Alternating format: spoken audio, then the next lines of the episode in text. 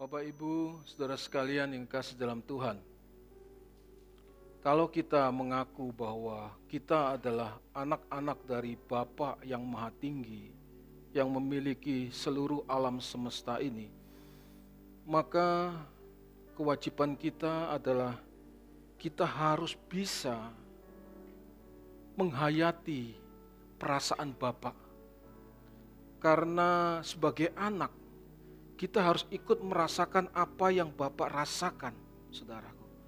Karena hanya ketika kita merasakan apa yang Bapak rasakan, sebenarnya kita sedang menunjukkan penghormatan kita secara nyata di dalam kehidupan kita sehari-hari kepada Bapak di sorga. Kalau seseorang mengatakan bahwa dia Kristen atau pengikut Kristus, tetapi ia tidak berjuang untuk menghayati perasaan Bapa di sorga, maka ia tidak mungkin bisa mengasihi dan menghormati Bapa dalam kehidupan konkret yang dijalani setiap hari, saudaraku. Nah, padahal mengasihi dan menghormati Bapa dalam kehidupan konkret itu satu-satunya kunci untuk kita bisa memperoleh hidup yang berkenan di hadapan Bapa. Kalau seseorang tidak menghormati dan mengasihi Bapa di sorga dalam perjalanan hidupnya atau dalam setiap aktivitas hidup yang dijalaninya, maka sebenarnya ia tidak mungkin bisa menjalani hidup yang berkenan. Padahal syarat seseorang untuk dilayakkan bersama-sama dengan Tuhan Yesus di keabadian, ia harus menjalani hidup yang berkenan, saudaraku. Jadi betapa pentingnya bahwa kita ini harus memiliki perasaan Bapak, harus memiliki kepekaan untuk merasakan apa yang Bapak rasakan, saudaraku. Persoalannya selama ini on off. Kalau kita mau jujur banyak off-nya, saudara. Betul? Banyak off-nya, saudaraku. On off. Kita nggak bisa stable, kita nggak bisa stabil untuk menghayati perasaan Bapak. Kenapa? Karena perasaan Bapak ini harus kita perjuangkan. Tidak bisa terjadi secara otomatis. Kitalah yang harus memperjuangkannya. Makanya Filipi pasal yang kedua ayat 12 berkata, ini terus-terus diulangi. Hai saudara-saudaraku yang kekasih, kamu senantiasa taat. Karena itu tetaplah kerjakan keselamatanmu dengan takut dan gentar Kerjakan keselamatanmu dengan takut dan gentar. Katergasomai. Kitalah yang harus mengerjakannya, saudaraku. Kitalah yang harus berjuang. Bukan Tuhan. Tapi kita bersama dengan pimpinan roh kudus. Membuat kita makin bertumbuh untuk makin mengasihi Tuhan dan menghormati Tuhan. Dalam setiap aktivitas yang kita jalani. Kalau tidak kita tidak mungkin bisa menghayati perasaan Tuhan, saudara. Setelah kita berjuang, Alkitab berkata, maka Tuhanlah ayat berikutnya Filipi 12 ayat 13. Karena Tuhanlah yang mengerjakan di dalam kamu baik kemauan maupun pekerjaan menurut kerelaannya. Tuhan yang mengerjakan. Jadi jangan bilang Tuhan mengerjakan kalau kita tidak mengerjakan. Kitalah yang harus berjuang lebih dahulu, saudara. Persoalannya banyak orang tidak mau berjuang. Bapak ibu saudara sekalian, kalau kita berjuang dengan serius, maka Tuhan pasti memberikan energi kepada kita untuk kita bisa mengerjakannya, saudaraku.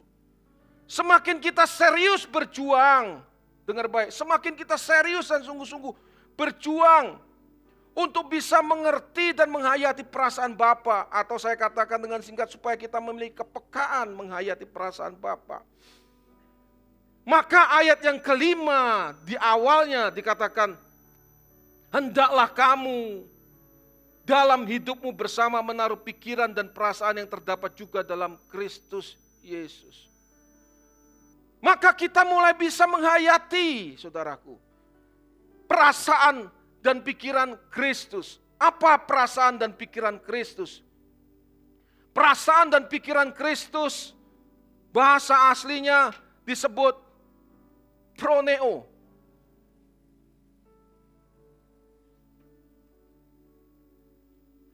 Proneo. Ini artinya cara berpikir Tuhan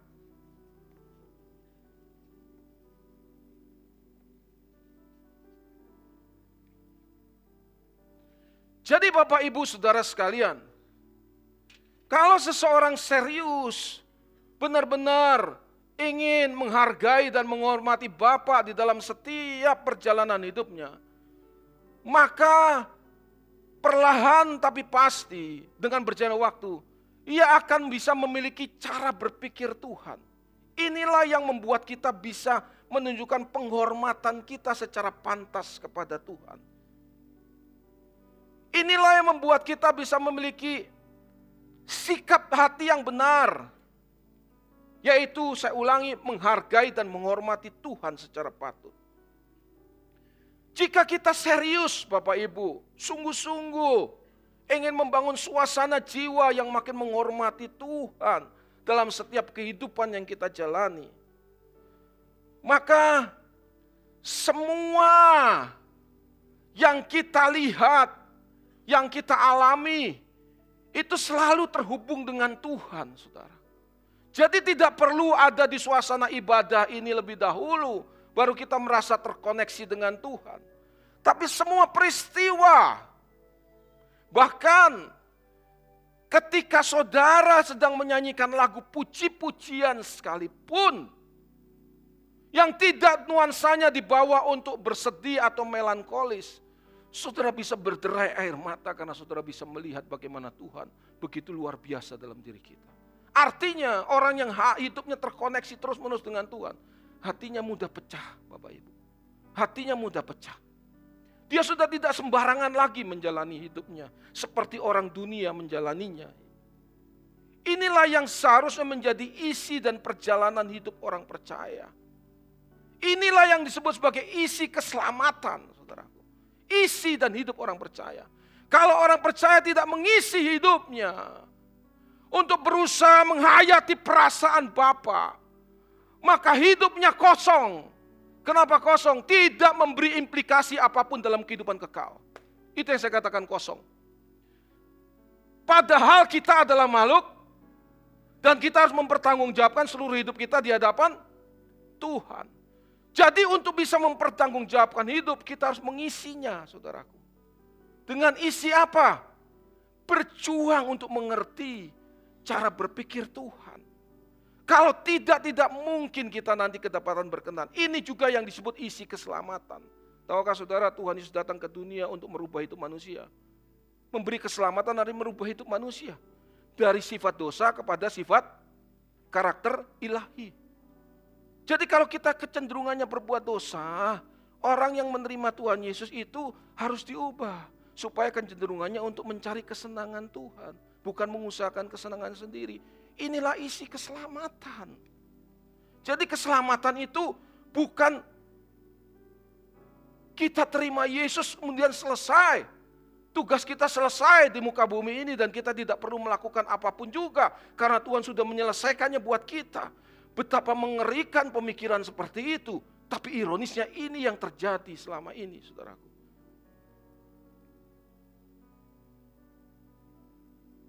Tahukah saudara kalau saudara dan saya ada di tempat ini kita sedang berjuang untuk mengisi kebenaran pikiran kita dengan kebenaran demi kebenaran. Supaya apa?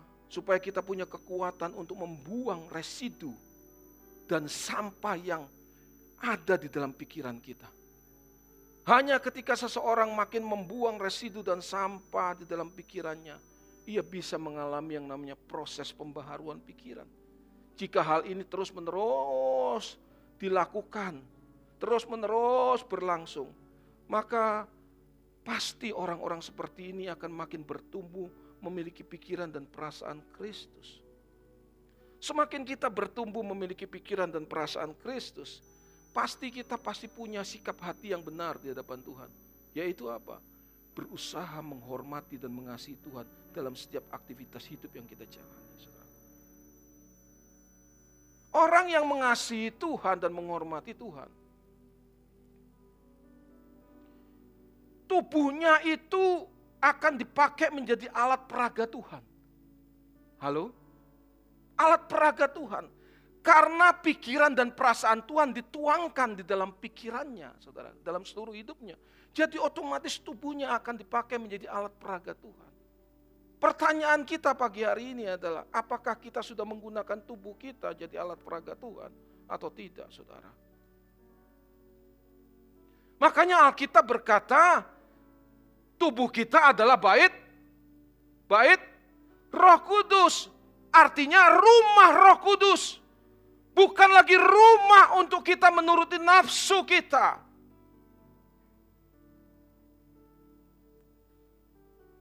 Makanya dikatakan kamu bukan milikmu sendiri. Karena itu muliakanlah Tuhan dengan tubuhmu. Muliakan Tuhan dengan tubuhmu artinya apa? Membuat tubuh kita jadi alat peraga Tuhan. Tidak ada lain. Dan Tuhan Yesus waktu datang ke muka bumi mengenakan tubuh seperti kita, beliau juga menggunakan tubuhnya menjadi alat peraga bagi Bapa di sorga supaya orang bisa mengenal siapa Bapa di sorga melalui hidupnya, saudaraku.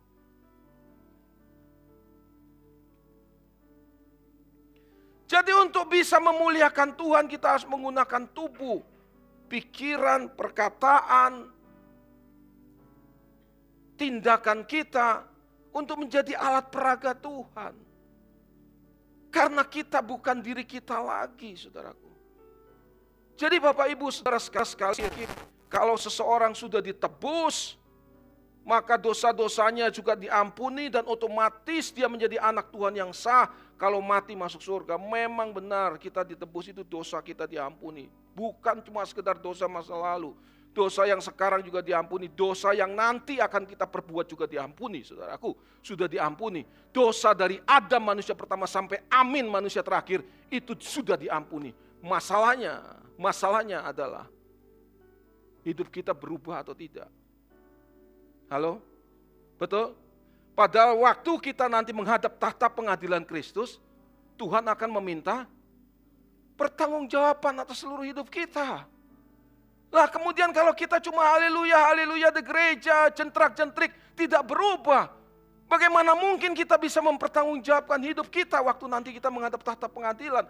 Makanya dibutuhkan kebenaran, makanya dibutuhkan role model. Yesus lebih dahulu menjadi role model kita dan kita harus mengikutinya. Dan untuk bisa mengikutinya harus ada orang yang mau berjuang lebih dahulu untuk mengikuti jejak hidup Tuhan Yesus supaya orang yang melihat dan mendengar juga bisa mengikuti gaya hidup orang yang menyampaikan kebenaran, saudara.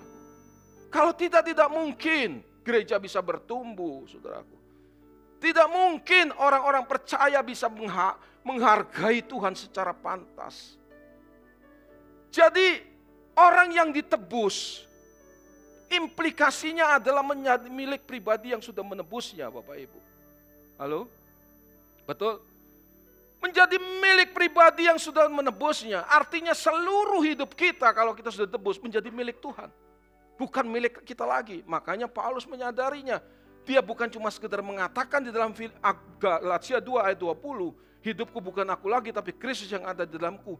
Bukan cuma sekedar mengatakannya, tapi Paulus sudah menunjukkan bukti untuk menghidupinya sehingga dia bisa berkata hal itu, Saudaraku.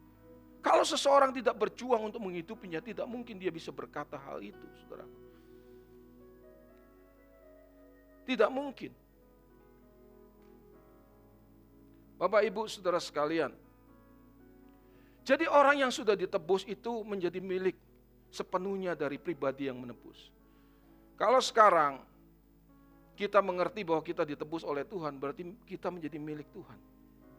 Artinya bahwa dengan berjalannya waktu, sesuai dengan yang dikatakan oleh Paulus, hidupku bukan aku lagi, bahwa keinginan-keinginan kita sudah tidak mewakili diri kita keinginan-keinginan kita mewakili Tuhan, saudaraku.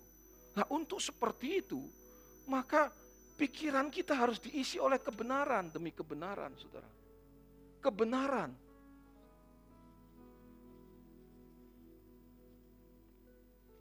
Pak, kan seluruh Alkitab ini kebenaran, iya, kebenaran.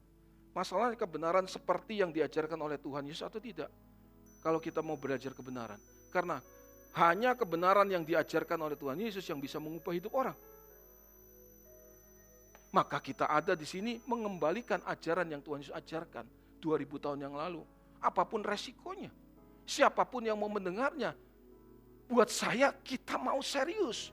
Menjalani, menghidupi ajaran Tuhan Yesus 2000 tahun yang lalu dan kita mau menjalaninya. Itu saja.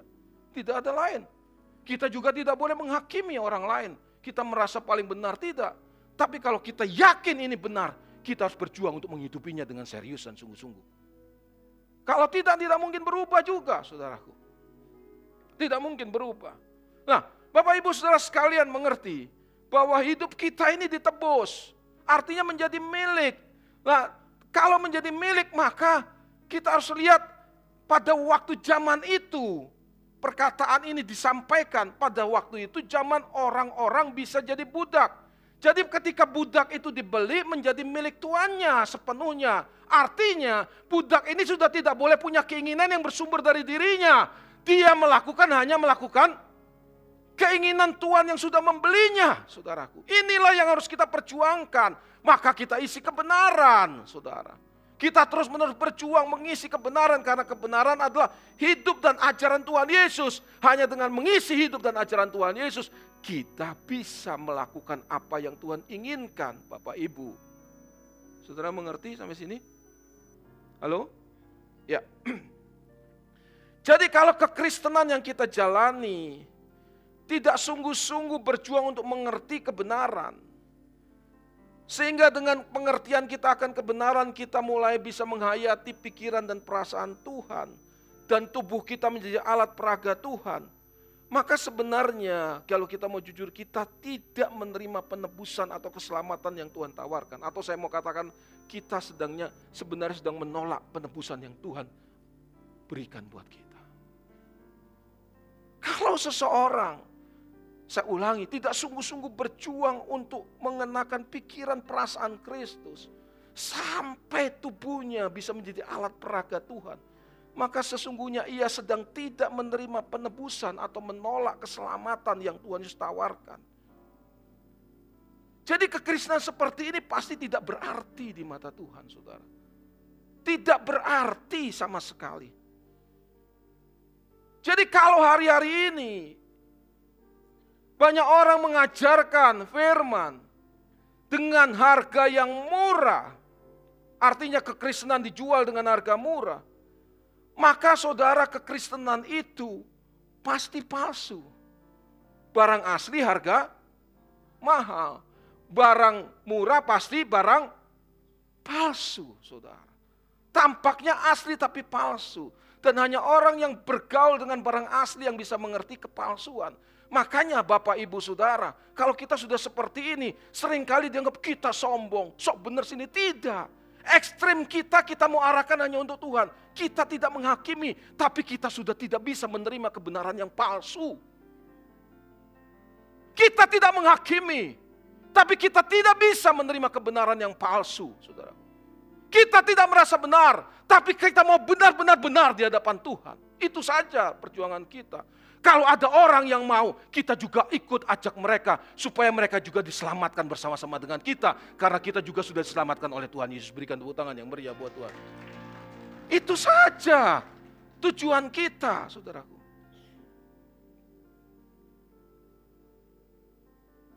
Jadi kalau kekristenan selama ini dijual murah, saya ulangi, kekristenan itu palsu.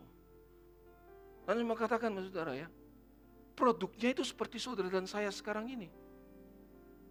Produknya itu sekarang ini seperti kita ini. Tapi kan kita bersyukur Bapak Ibu. Kita sadar kita salah. Halo? Kita sadar kita salah. Dan kita mau berubah. Dan memperbaharui dan memperbaiki diri. Jadi Bapak Ibu Saudara sekalian. Kalau ada orang di tempat ini yang masih tidak jujur. Suka bohong. Masih ingin selingkuh dendam, punya hati yang jahat terhadap seseorang. Saya mau katakan kepada saudara, bertobat sejak hari ini, berubah. Karena tidak mungkin orang-orang seperti ini akan diterima di kemuliaan bersama dengan Tuhan Yesus, saudaraku. Enggak mungkin. Mungkin saudara berkata, tapi kan Pak saya percaya. Saya percaya kepada Tuhan Yesus. Bapak Ibu, percaya itu bukan hanya di nalar atau pikiran kita. Tapi percaya itu harus dibuktikan. Dibuktikan dengan tindakan. Abraham percaya maka ia keluar. Bisa saja dia berkata, ya aku percaya engkau Elohim Yahweh. Aku tidak mau keluar. Enggak. Ketika diperintahkan keluar dari negeri asalmu. Tanah di mana engkau dilahirkan, dia keluar. Bahkan ketika ia harus mempersembahkan anak satu-satunya yang tunggal, yang sudah diberikan janji oleh Elohim Yahweh. Dan dia harus menunggu 25 tahun. Dan dia membesarkan sampai remaja. Ternyata diminta, itu pun dia berikan dengan tindakan saudara. Inilah percaya. Nah percaya kita bagaimana hari-hari ini? Orang berpikir bahwa kalau dia jadi Kristen masuk gereja rajin percaya. Tidak, percaya harus dibuktikan dengan tindakan setiap hari. Itulah yang kita mau berjuang untuk menghayati perasaan Tuhan. Katakan amin. Kalau kita tidak berjuang perasaan Tuhan, tidak mungkin kita bisa percaya dengan tindakan. Makanya kita seperti ini doanya sudah tidak begitu sama dengan kebanyakan orang. Kalau kita menghadapi masalah, kita sudah tidak lagi minta Tuhan untuk menyelesaikan masalah kita cepat-cepat. Tapi kita minta supaya kita bisa menghargai Tuhan. Kita menghargai Tuhan di balik setiap persoalan hidup yang kita alami sehingga sehingga dengan persoalan hidup yang kita alami kita makin mengenal Tuhan dan karakter kita diubahkan oleh Tuhan. Jadi Bapak Ibu saya ulangi terus menerus, masalah itu pasti selesai. Entah sementara kita masih mati, eh masih hidup atau sudah mati pasti selesai. Saudara mati bawa masalah, saya tanya sama saudara, saudara mati bawa masalah? Hutangnya berapa? Rumahnya nyicil atau belum? Kendaraannya masih enggak bawa masalah saudaraku, sudah selesai. Yang kita bawa adalah karakter kita.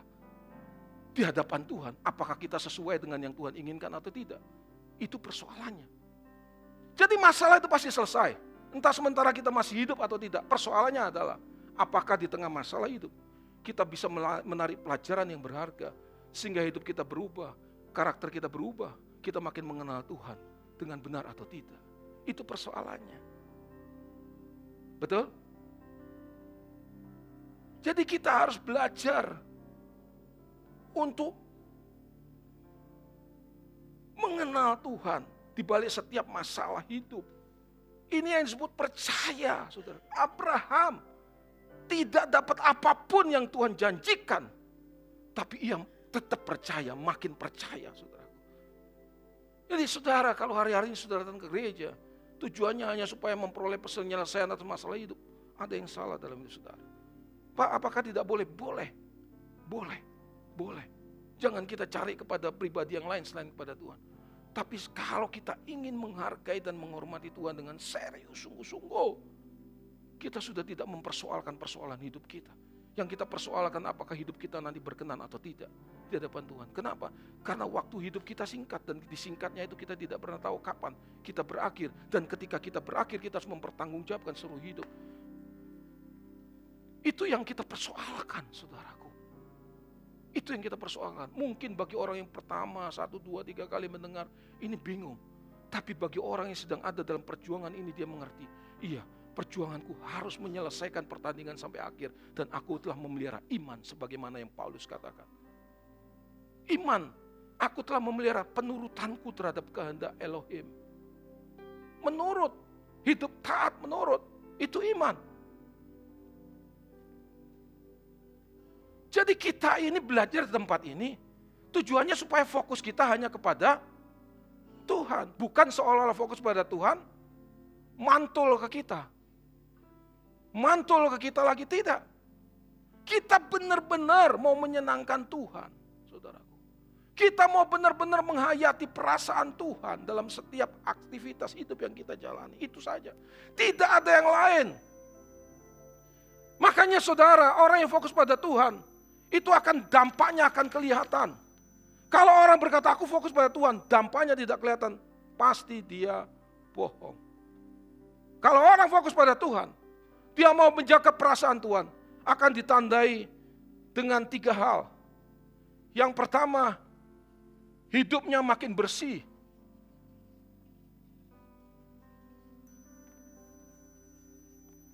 Dia tidak izinkan noda-noda kekafiran ada di dalam hati dan pikirannya. Meskipun orang tidak melihat sekalipun. Dia tidak mengizinkan, saudara. Dia makin berjuang bersih ketika belum bersih dia akan bereskan terus-menerus di hadapan Tuhan, saudara. Itu ciri-ciri orang yang fokus kepada Tuhan. Yang kedua, hatinya tidak di dunia, ini yang saya katakan semua ini sulit saudara. Kalau soal itu soal-soal yang sulit dijawab. Benar ini sulit. Dua ini sulit. Bagaimana mungkin orang masih hidup di dunia tapi tidak fokus pada dunia itu sulit saudara. Betul? Tapi kita mau serius. Maka saya ngotot saudara seperti ini. Untuk apa saudara? Untuk menghidupi apa yang saya ajarkan. Dan saya sampaikan di balai mimbar. Supaya apa yang saya sampaikan ada apinya, saudara. Ada apinya. Kalau tidak, api itu bukan seperti ngotot begini ada api. Tidak, ngotot pun kalau nggak ada api bisa dirasakan, saudara. Ada apinya untuk bisa merubah orang-orang yang mendengarnya. Kalau saya nggak serius, nggak mungkin ada apinya. Ada apinya aja banyak orang yang masih ragu-ragu. Sulit untuk berubah, apalagi tidak ada apinya, saudara. Ada apinya seperti ini aja masih ragu-ragu, saudara. Apalagi kalau nggak ada apinya. Jadi fokus hidupnya itu hatinya sudah tidak di dunia. Artinya begini, saudara kita mau diberkati atau tidak, tidak menjadi masalah. Ada masalah yang berat pun itu tidak masalah karena kita tahu masalah yang paling besar dalam hidup kita adalah karakter kita yang harus diubahkan. Itu masalah yang paling besar. Jadi Bapak Ibu kita nggak akan jadi seperti orang dunia menjalaninya. Kalau kita diberkati, kita nggak seperti OKB.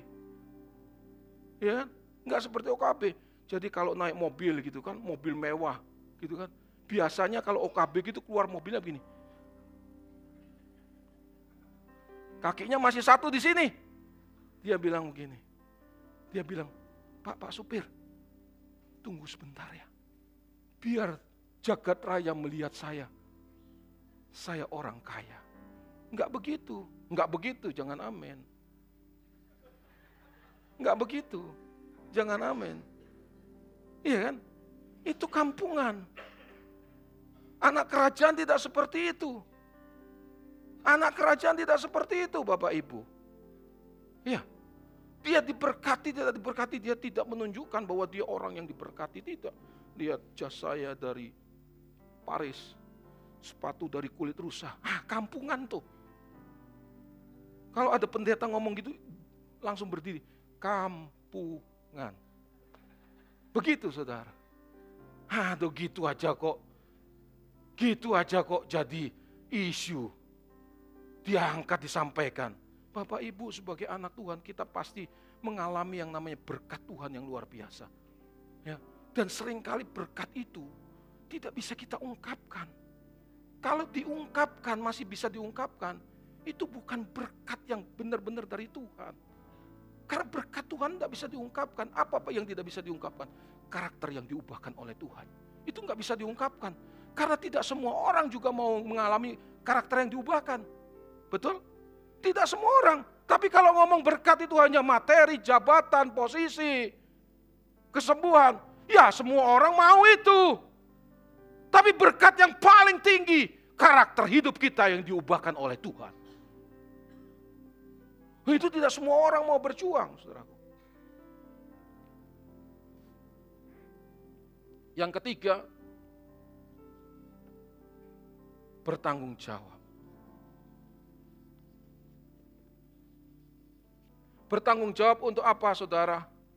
Untuk mengembangkan potensi yang Tuhan berikan. Jadi orang yang fokus kepada Tuhan tidak tunggu-tunggu kapan Tuhan datang, kapan Tuhan datang. Enggak. Tapi dia serius mengembangkan potensinya sebagai wujud dari tanggung jawab terhadap potensi yang Tuhan percayakan.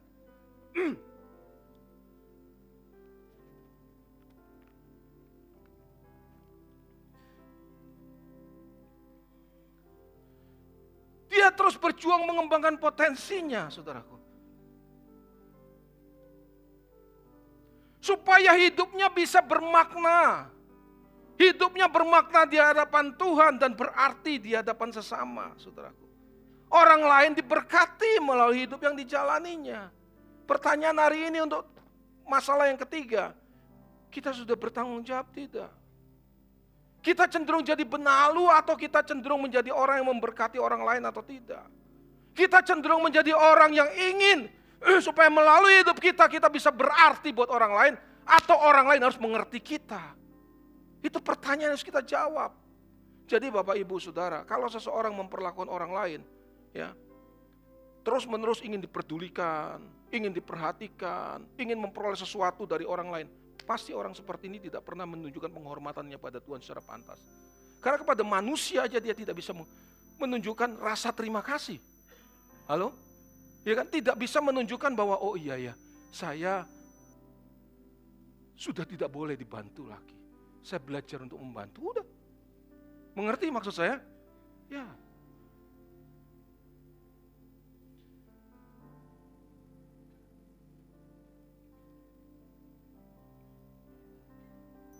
Mungkin sudah bertanya, kapan Pak saya bisa diperdulikan oleh Tuhan? Kalau saya menjalani hidup seperti ini, eh Bapak Ibu dengar baik apa yang saya katakan. Kalau kita berjuang untuk memperdulikan kepentingan Tuhan, yaitu Tuhan yang kita sembah adalah Tuhan yang maha tinggi mengatasi seluruh apa pun juga, mengatasi seluruh kerajaan, mengatasi seluruh jagat raya. Maka dengar baik, Tuhan yang mengatasi seluruh kerajaan dan jagat raya itu akan memperdulikan kita. Betul? Akan memperdulikan kita. Saya menemukan kebenaran seperti ini ketika saya menyentuh anak-anak saya. Ketika anak-anak begitu dekat dengan orang tuanya, dengan papinya, Waduh, saudara. Waduh. Kita ini mau ngomong gini. Nah, jangankan kamu, papi lihat kebutuhanmu, tidak papi penuhi. Nyawa papi, papi serahkan buat kamu, nak. Halo? Betul? Orang tua yang baik itu. Jadi Bapak Ibu Saudara yang kasih dalam Tuhan. Kita harus berjuang dalam hidup ini. Bukan meminta kepentingan kita tapi kita berjuang untuk meminta. Kita mengerti kepentingan Tuhan. Karena waktu kita meminta kepentingan Tuhan, berjuang mengerti meminta kepentingan Tuhan, kita sedang membawa diri kita masuk dalam proyeknya, proyek besarnya Tuhan. Aku minta kepadamu ya Bapa. Hati mengasihimu seperti Yesus. Aku minta kepadamu ya Bapa. Hati menghormatimu seperti Yesus. Yuk kita nyanyikan aku minta Aku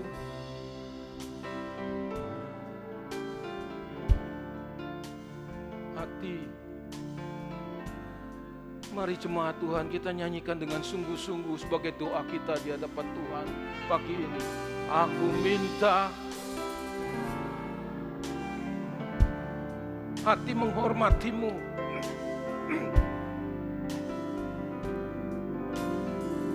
Sekali lagi aku minta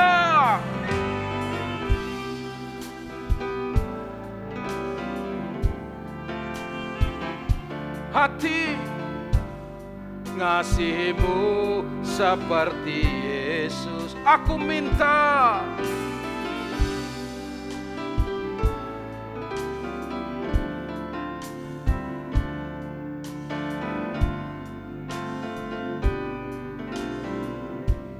Katakan beriku hati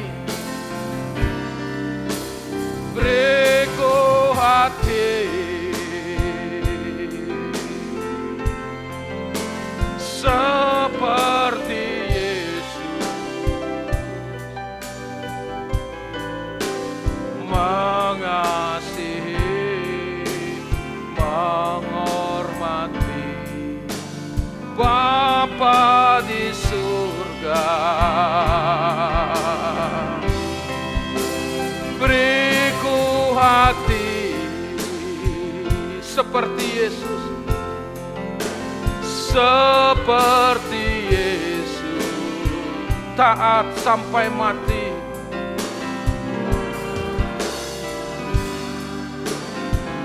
Di kayu salibnya,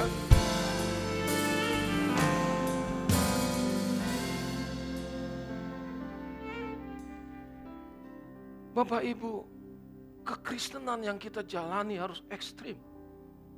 Ekstrim bukan berarti kita merasa paling benar. Tapi ekstrim kita mau bisa menghayati perasaan Bapak setiap saat.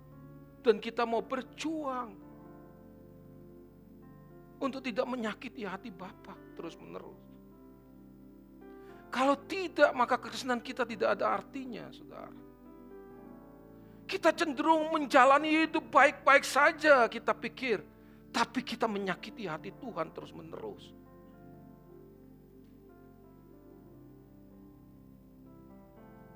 Tahukah saudara menjelang Tuhan Yesus mengakhiri pelayanannya di muka bumi ini? Ia berkata, makanan dagingku adalah benar-benar makanan. Dan darahku adalah benar-benar minuman.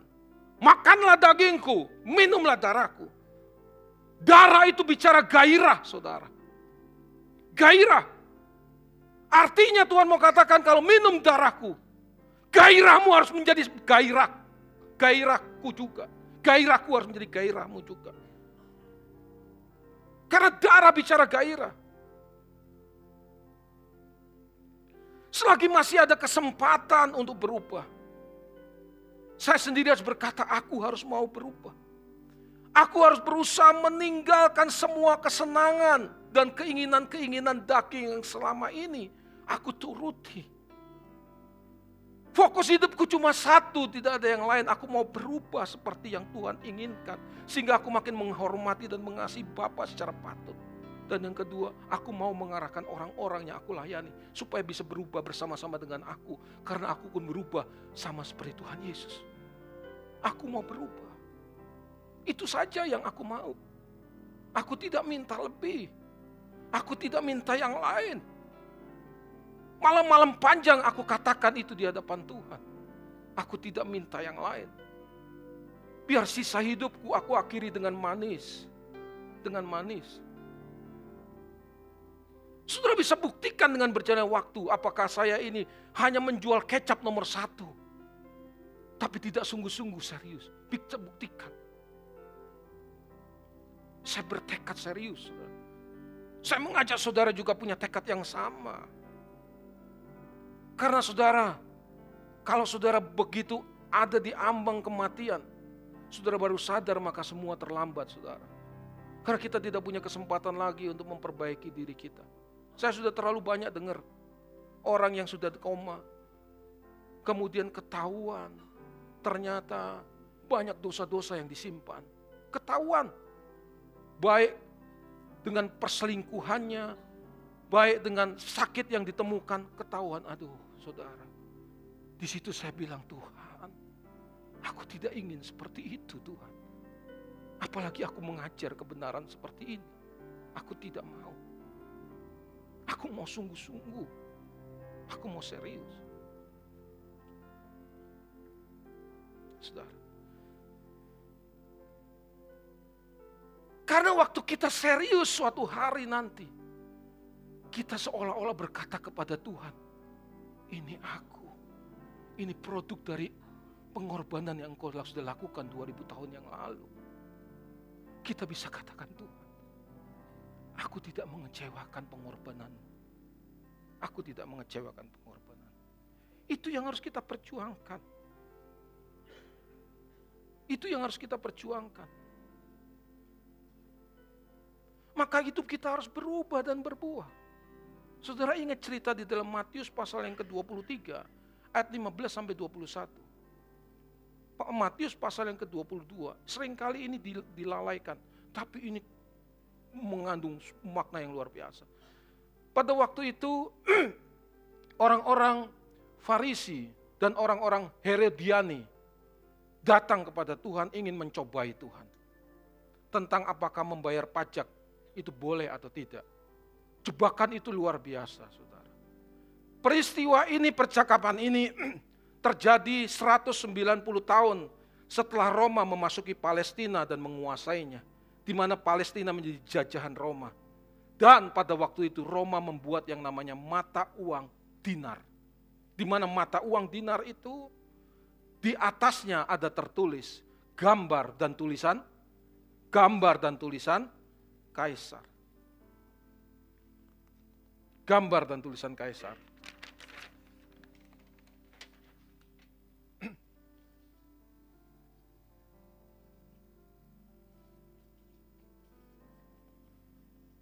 Perhatikan ini saudaraku. Gambar dan tulisan kaisar. Nah, yang luar biasa pada waktu itu, orang Farisi dan orang Herodiani pada zaman itu tidak bisa ketemu. Sering bertengkar, saudaraku. Bertengkar. Karena Herodiani dan Farisi itu bertentangan. Farisi itu bertolak di belakang dengan Herodiani. Mari lihat. Orang Herodiani ini adalah orang-orang ya aliran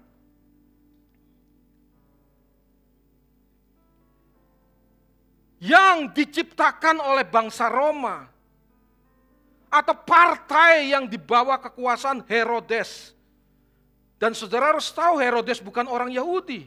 Tapi dia adalah orang Moab yang diberi kekuasaan oleh pemerintahan Roma untuk memerintah Yehuda. Dan untuk memungut pajak. Herodes salah satu fungsinya itu saudaraku. Dan ada yang namanya partai Herodiani.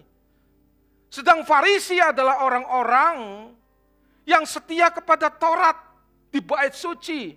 Mereka setia kepada masyarakat dan orang Yahudi. Setia banget membela orang Yahudi. Jadi mereka itu bertentangan, bertolak belakang. Tetapi yang luar biasa waktu menghadap Tuhan Yesus mereka berkolaborasi. Mereka saling bergandengan tangan untuk menjatuhkan Tuhan Yesus. Ini kan mirip partai-partai sekarang di Indonesia. Ya kan, tidak ada kawan abadi, tidak ada lawan abadi, Saudara. Ya, begitu. Jadi mereka berkolaborasi. Jadi partai itu kan sebenarnya begini, Bukan ada kepentingan yang lebih mulia, tapi kepentingan sesaat. Keterpentingan yang tergantung dari nafsu, kekuasaan, dan uang. Itu saja saudaraku. Mereka berkolaborasi untuk menjebak Tuhan. Saya ulangi dengan pertanyaan, apakah boleh membayar pajak kepada kaisar? Nah, jawaban ini gampang-gampang sulit. Kalau Tuhan ngomong boleh membayar pajak kepada kaisar, apa yang terjadi saudaraku? kamu menekan bangsamu sendiri. Kamu mempersusah bangsamu sendiri, bangsa Yahudi. Wah, ini bertentangan dengan orang Farisi. Tapi kalau tidak boleh membayar pajak, maka pasti melawan kaisar. Berat kan? Saudara bisa menghayati pertanyaan itu. Kalau dipertanyakan kepada saudara pada waktu itu. Wah berat banget. Tapi Tuhan hebat. Ini yang saya kagum. Tuhan bilang gambar dan tulisan siapa? Gambar dan tulisan siapa? Kemudian mereka jawab gambar dan tulisan kaisar. Mereka masih mengejar. Wah Tuhan bilang gini, berikan kepada kaisar apa yang wajib kamu berikan kepada kaisar. Tetap lihat kata-kata gambar dan tulisan. Kemudian Tuhan bilang kedua apa? Berikan kepada Elohim apa yang wajib kamu berikan kepada Elohim. Nah sering kali kan kita pikir itu duit. Betul atau betul? Halo? Seringkali kita pikir berikan kepada Tuhan apa yang wajib kamu berikan? Duit.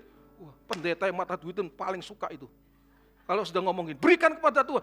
Bukan kepada Tuhan, kepada dirinya. Hah? Eh, lihat gambar dan tulisan yang dimaksud Tuhan. Dinar itu gambar dan tulisan kaisar. Sekarang Tuhan bilang ini, Berikan kepada Tuhan apa yang wajib kamu berikan kepada Tuhan. Artinya, kamu gambaran tulisan siapa? Kamu gambaran tulisan siapa? Kamu gambaran tulisan Elohim Yahweh.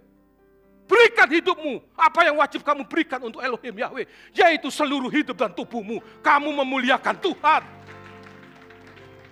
Dari mana kita bisa memuliakan kalau kita tidak menghargai perasaan Tuhan?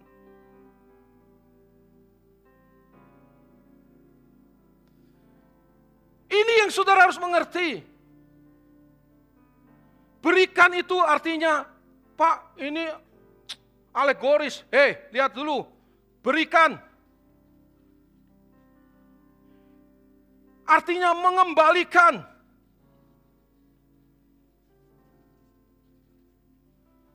Apo dote bahasa aslinya mengembalikan. Apa yang kita kembalikan? Masa uang? Hah? Hidup kita. Kita kembalikan. Saudaraku. Kalau dinar yang memang asalnya dari raja kaisar, kembalikan dinar itu kepada kaisar. Tapi kalau hidupmu berasal dari Tuhan, kembalikan hidupmu kepada Tuhan. Dalam keadaan apa? Dalam keadaan waktu engkau diciptakan sebagaimana semula engkau diciptakan. Baik adanya. Amat sangat baik. Sempurna. Kita harus kembalikan hidup kita seperti itu. Masalahnya kan sekarang kita nggak bisa langsung mengembalikan. Uang ada di dompet kita bisa kasih semua. Tapi hidup kita nggak semudah itu. Kita harus berjuang. Saudara, kita harus berjuang. Pak, saya belum mengerti, dengar baik.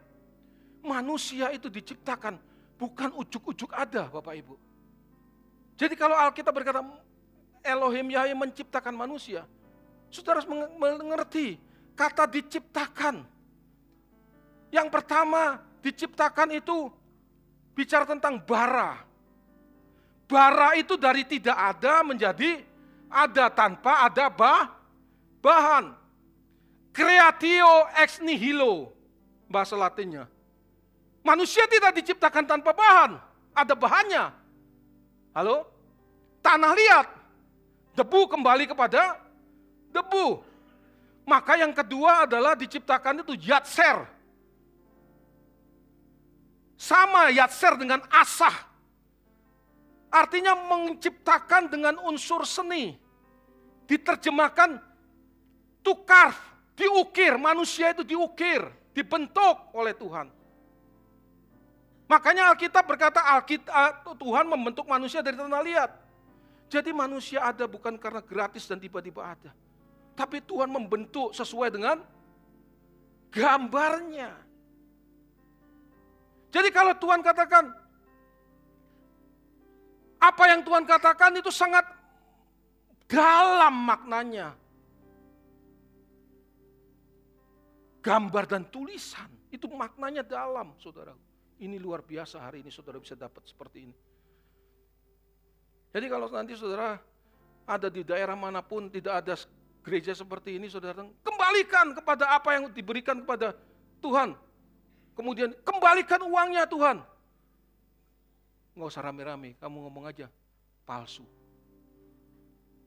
Palsu. Gitu aja. Enak aja kok bicara uang. Diri kita, tubuh kita. harus dikembalikan sejak semula Tuhan menciptakan sebelum Adam jatuh dalam dosa. Ini yang kita perjuangkan. Makanya Alkitab berkata Yakobus 4 ayat 5, roh yang ditempatkan di dalam diri kita diingininya dengan cemburu. Rohnya itu baik. Sejak awal manusia diciptakan. Waktu kita lahir di muka bumi ini benar-benar bagus. Baik. Tetapi persoalannya waktu kita mati kita bawa roh kita dengan baik lagi atau tidak. Itu yang menjadi maksud Tuhan. Nah persoalannya kan dengan berjalannya waktu karena Adam jatuh dalam dosa, maka manusia menjadi rusak. Rusaknya ini diawali oleh Adam. Tahukah saudara bahwa sebenarnya Adam itu dipersiapkan oleh Tuhan untuk menjadi pokok keselamatan. Aitios yang akan diteladani oleh anak cucunya sampai kita. Tapi justru Adam tidak bisa jadi aitios. penggubah. Aetios itu penggubah. Adam tidak bisa. Kalau dikatakan rusak itu bukan bejat, bukan. Adam masih memiliki yang namanya kemuliaan manusia. Masih memiliki kemuliaan manusia. Tetapi kemuliaan Tuhan sudah hilang. Makanya Tuhan Yesus harus datang ke, Nia, menebus dan menjadi model bagi kita supaya kita pun bisa berjuang mengikuti jejak hidup yang sudah dilakukan oleh Tuhan Yesus. Supaya manusia yang diciptakan dari sejak semula itu bisa dikembalikan kepada rancangan Tuhan yang semula. Untuk bisa mengasihi dan menghormati Bapak secara sepatut dalam setiap hidup yang dijalaninya. Inilah yang disebut dengan menjalani hidup secara berkenan di hadapan Bapa. Hanya orang yang menjalani hidup berkenan, dia akan diterima oleh Bapa.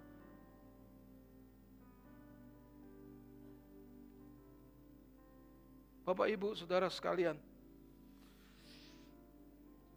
dalam hidup yang kita jalani ini, kita hanya diperhadapkan oleh dua pilihan, tidak yang lain.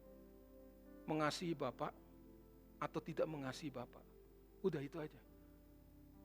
Mengasihi Bapak atau tidak mengasihi Bapak. Makanya hukum yang utama dan terutama, kasihilah Tuhanmu dengan segenap-segenap Tuhan Yesus ajarkan. Hukum Taurat yang pertama, apa saudaraku? Halo?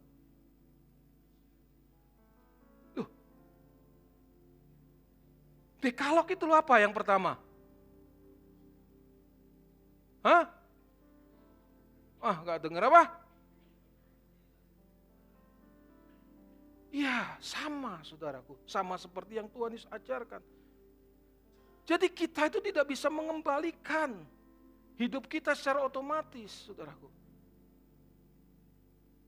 Hanya orang yang memilih mengasihi Tuhan yang bisa mengembalikannya dengan baik kepada Tuhan. Masalahnya sekarang mau atau tidak? Kita harus mengembalikan kepada Tuhan atau tidak? Karena kita tidak bisa otomatis. Makanya kita diberi kendaraan yaitu hidup kita.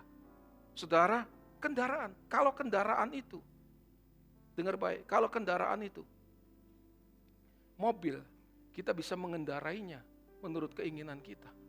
Tapi kendaraan kita itu daging, yang punya nafsu, lus. Ini yang sulit dikendalikan. Maka Tuhan didik kita dulu.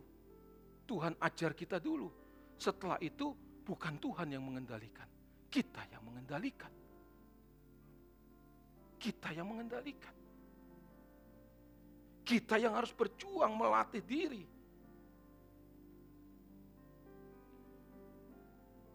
Karena Tuhan pun sudah mengendalikan tubuhnya ketika Tuhan Yesus mengenakan tubuh jasmani seperti kita manusia pada waktu 2000 tahun yang lalu, Saudara. Makanya Saudara, kebenaran-kebenaran inilah yang akan memperlengkapi saudara. Memperlengkapi saudara untuk serius sungguh-sungguh berjalan di jalan-jalan Tuhan.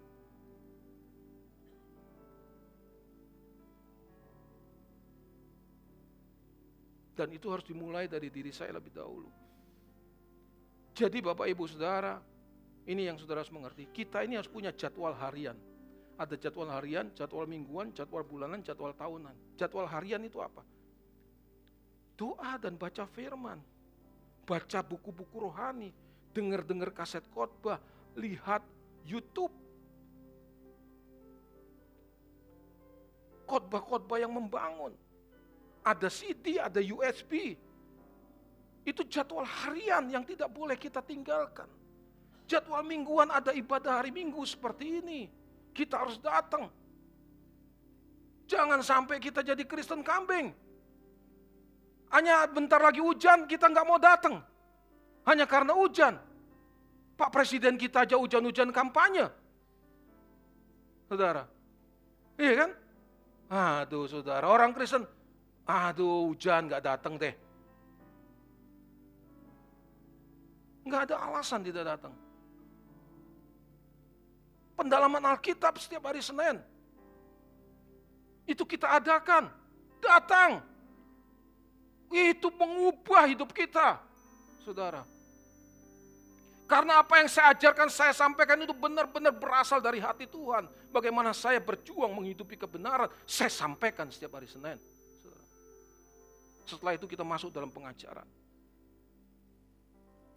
Betapa gereja ini luar biasa punya banyak menu, saudara. Punya banyak menu. Ya, menunya banyak. Nah sekarang sekarang saudara bisa memilih aja nggak mau. Bagaimana saudara bisa punya menghayati perasaan Tuhan? Nanti beberapa waktu ke depan kita akan ada streaming. Khusus kalau saudara nggak bisa ada di luar kota, streaming, lihat streaming. Beberapa bulan ke depan kita sedang persiapkan ada kelas PA yang baru. Karena kita sudah memasuki tahun yang kelima PA ini. Jadi orang-orang yang baru pasti bingung. Sampai sekarang kehendak bebas diajarin begini. Waduh, dimulai dari antropologi. Nanti ada hari yang kita tentu. Semua hari kita manfaatin sebaik mungkin. Ada yang namanya komsel. Lihat saudara. Kita bawa terus. Jemaat untuk makin bertumbuh saudaraku. Jadwal bulanan. Nanti ke depan. Kita sedang persiapkan hari Sabtu beberapa bulan sekali kita akan buat seminar. Saya yang akan mengajak saudara untuk mendengar apa yang saya ajarkan. Setiap hari Sabtu pagi sampai siang, kita buat seminar.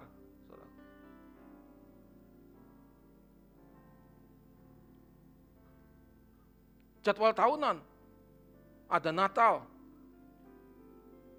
Hah? Beberapa waktu lalu dulu, gereja kita kalau Natal kita nggak bikin. Kemudian Pasca, Jumat Agung, kenaikan kita gak bikin, sekarang kita bikin. Supaya mengerti makna tentang kebangkitan. Kita nggak mau pusing, kita nggak mau berdebat. Natal bukan Desember, ah nggak penting. Yang penting kita mau menghayati kehadiran Tuhan Yesus datang ke dunia untuk menyelamatkan dan kita mau menjawab keselamatan yang Tuhan sudah kerjakan. Kita sudah nggak berdebat yang begitu-begitu, beginong-beginong. Apa itu? Udah yang minor-minor kita buang aja deh. Orang nggak mau Rayakan Natal terserah, kita rayakan, kita ambil maknanya. Gitu loh. Kita sudah berdebat bulan apa, bulan apa. Toh kalau bulan Maret kalian juga tidak merayakan kok. Betul nggak? Waduh, bener-bener deh orang Kristen hari-hari ini. Tujuannya saudara kita mau buat supaya seperti ini cuma satu. Supaya kita pulang bersama-sama nantinya. Kita pulang bersama-sama. Enggak ada lain. Jadi nggak ada maksud apa pun, saudaraku. Nggak ada maksud apa pun. Kalau saya sampaikan kebenaran seperti ini.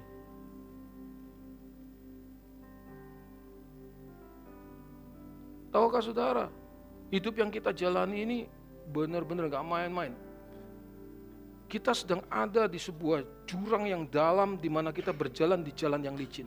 Suatu saat kita bisa terplecok, kita bisa jatuh ke jurang. Tuhan Yesus saja hampir jatuh. Di Getsemani dia tiga kali menawar kehendak Bapak. Jika mungkin cawan ini berlalu. Betul? Jika mungkin cawan ini berlalu. Saudara tahu? Dan dia berkata, tetapi bukan kehendakku. Tapi kehendakmu. Itu doa yang berkenan di hadapan Bapak. Ketika dia mengucapkan begitu. Jadi kalau saya bisa mengilustrasikan mungkin pada waktu Tuhan bingung, jika mungkin cawan ini berlalu. Bapak lihat begini. Hmm, Hmm, susah hati Bapak, susah hati.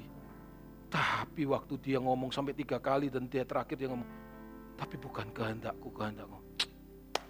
Begini. Perjalanan hidup saudara juga begitu. Karena begitu banyak saksi yang mengelilingi kita bagai awan yang mengelilingi kita. Kita menanggalkan beban dan dosa. Jadi waktu saudara memilih hidup benar, seperti yang Tuhan inginkan, sorga dan orang-orang kudus yang melihat saudara bilang begini. Begini Bapak Ibu. Tapi kalau sudah ngikuti keinginan daging, Bapak geleng-geleng. Hmm. Hmm. Gitu saudara. Saudara bisa bayangkan nggak saudara? Penting untuk memvisualisasikan saudara. Yesus masuk ke semani tempat peremukan. Kita pun pasti akan masuk tempat peremukan, saudaraku. Pasti. Dan orang banyak bawa pentungan. Betul? Orang bawa banyak pentungan. Kemudian begini. Apakah aku penyamun? Kalau aku mau, aku bisa meminta malaikat surgawi turun untuk menolong aku. Artinya, kalau sampai Tuhan meminta malaikat surgawi turun untuk menolong dia, seluruh karya keselamatan gagal. Jadi kata-kata itu penuh makna loh saudaraku. Kalau dibandingkan dengan kalau digabungkan dengan bukan kehendakku yang jadi. Artinya dia memilih melakukan kehendak Bapa daripada kehendaknya. Hidup ini diperhadapkan oleh pilihan Bapak Ibu. Dan kita harus memilih melakukan kehendak Bapa. Alkitab berkata dalam pergumulan kamu menyampaikan eh, melawan dosa kamu belum sampai mencucurkan darah. Artinya kita belum sungguh-sungguh, saudara. Kita belum serius. Kita belum serius dalam menjalani hidup ini. Maka kita mau serius, saudara. Kita mau serius. Tahukah saudara, waktu kita serius dengan Tuhan, maka Tuhan akan memakai segala peristiwa hidup kita, hidup yang kita alami untuk membentuk kita, saudara. Kalau kita tidak serius, Tuhan tidak pernah akan memakai peristiwa itu untuk membentuk kita.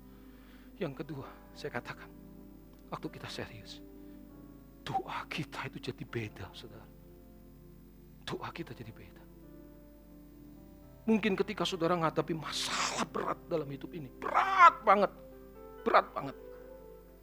Waktu saudara mencari hadirat Tuhan, dunia terasa kecil, masalahmu terasa kecil. Pernah saudara alami itu? Kalau saudara belum pernah alami itu, saya bisa ngomong karena saya alami. Tapi tidur, bangun, masalah jadi gede lagi. Serius. Masalah jadi gede lagi. Makanya orang lari dengan apa? Drugs, minum untuk melupakannya. Kita tidak, kita lari kepada Tuhan karena kita tahu tanpa Tuhan kita nggak bisa buat apa-apa. Artinya begini loh, ketika kita lihat masalah bes gede lagi, kita maunya cari Tuhan waktu senggang kita. Kita sudah nggak nonton drama Korea. Kita sudah tidak buang waktu untuk browsing-browsing. Secukupnya aja waktu kita. Tapi lebihnya kita cari Tuhan. Karena kekuatanku ada di dalam Tuhan. Dunia jadi kecil lagi kita cari Tuhan. Sampai kesenjangan itu makin sempit, saudara. Saudara mengerti apa yang saya maksudkan? Kesenjangan itu makin sempit. Itu yang harus kita perjuangkan. Kesenjangan itu makin sempit.